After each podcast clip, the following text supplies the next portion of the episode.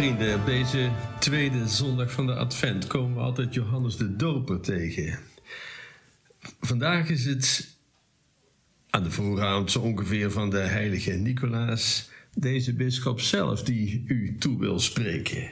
En ik laat hem graag aan het woord, want ook hij vindt, hij komt, hij komt. Ja, de goede Sint, dat is waar, maar vooral het kerstkind.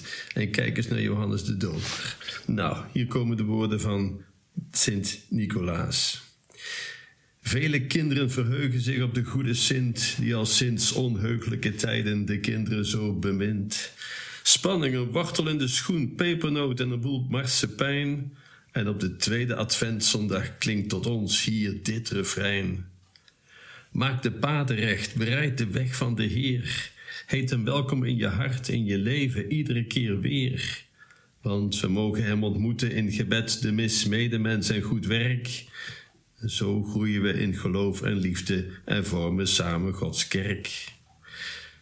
Deze tijd is ons gegeven om ons voor te bereiden op de ontmoeting met God. Een tijd van bezinning en rust, want we rennen en vliegen ons vaak rot. Soms gaat ons leven over een hobbelig pad door een dal of door duisternis.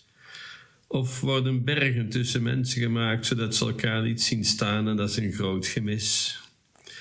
Door gekonkel en gekronkel, de mensen op de berg neerkijkend op die in het dal, worden mensen triest en eenzaam, terwijl we Gods redding moeten zien. Dat is het geval.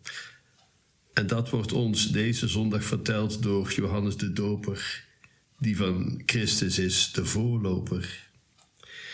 Johannes maakt zich tot iemand die deuren opent, de waarheid spreekt en hoop geeft, waardoor de zoekende mens houvast vindt en een goede blik op God en geloof heeft. Zijn woorden zijn voor ons een kompas, een richtingwijzer en een signaal. Laat de vrede van Christus heersen in je hart. Hij komt naar jou toe en geeft zich helemaal. Hij is niet iemand die even komt kijken hoe je woont en of je gelukkig arm of rijk bent om daarna weer door te lopen, je achterlaat en zijn aandacht weer van je afwendt. Nee, Christus wil totaal het leven met ons delen, van kribbe tot kruis, van biecht tot graf, om ons te helpen en te helen. Sterker nog, dit kind, hij wil ons dragen over de grens van tijd en eeuwigheid, omdat hij zich in het geluk van ieder mensenkind verblijdt. Hij wil groeien in ons leven, doen en laten, denken en handelen, zodat we paden van hoop, geloof en goedheid zullen bewandelen. Wegen die leiden naar God en naar elkaar, tezamen op het pad der deugd. Als we dat doen, leven we in veiligheid, vrede en samenhorigheid. Dat geeft de Heer en ons vreugd. God geven dat Hij het goede werk in ons voltooien mag zodat we het leven als zijn beeld en gelijkenis iedere dag. Ja, het klinkt allemaal heel mooi, misschien te mooi om waar te zijn. Dat kan best, maar ik ben niet de eerste roepende in de woestijn. Want daarin is Johannes de Doper ons voorgegaan, niet zomaar de eerste, de beste. Hij geeft het geloof en vertrouwen dat God zal komen en heersen te lange lesten.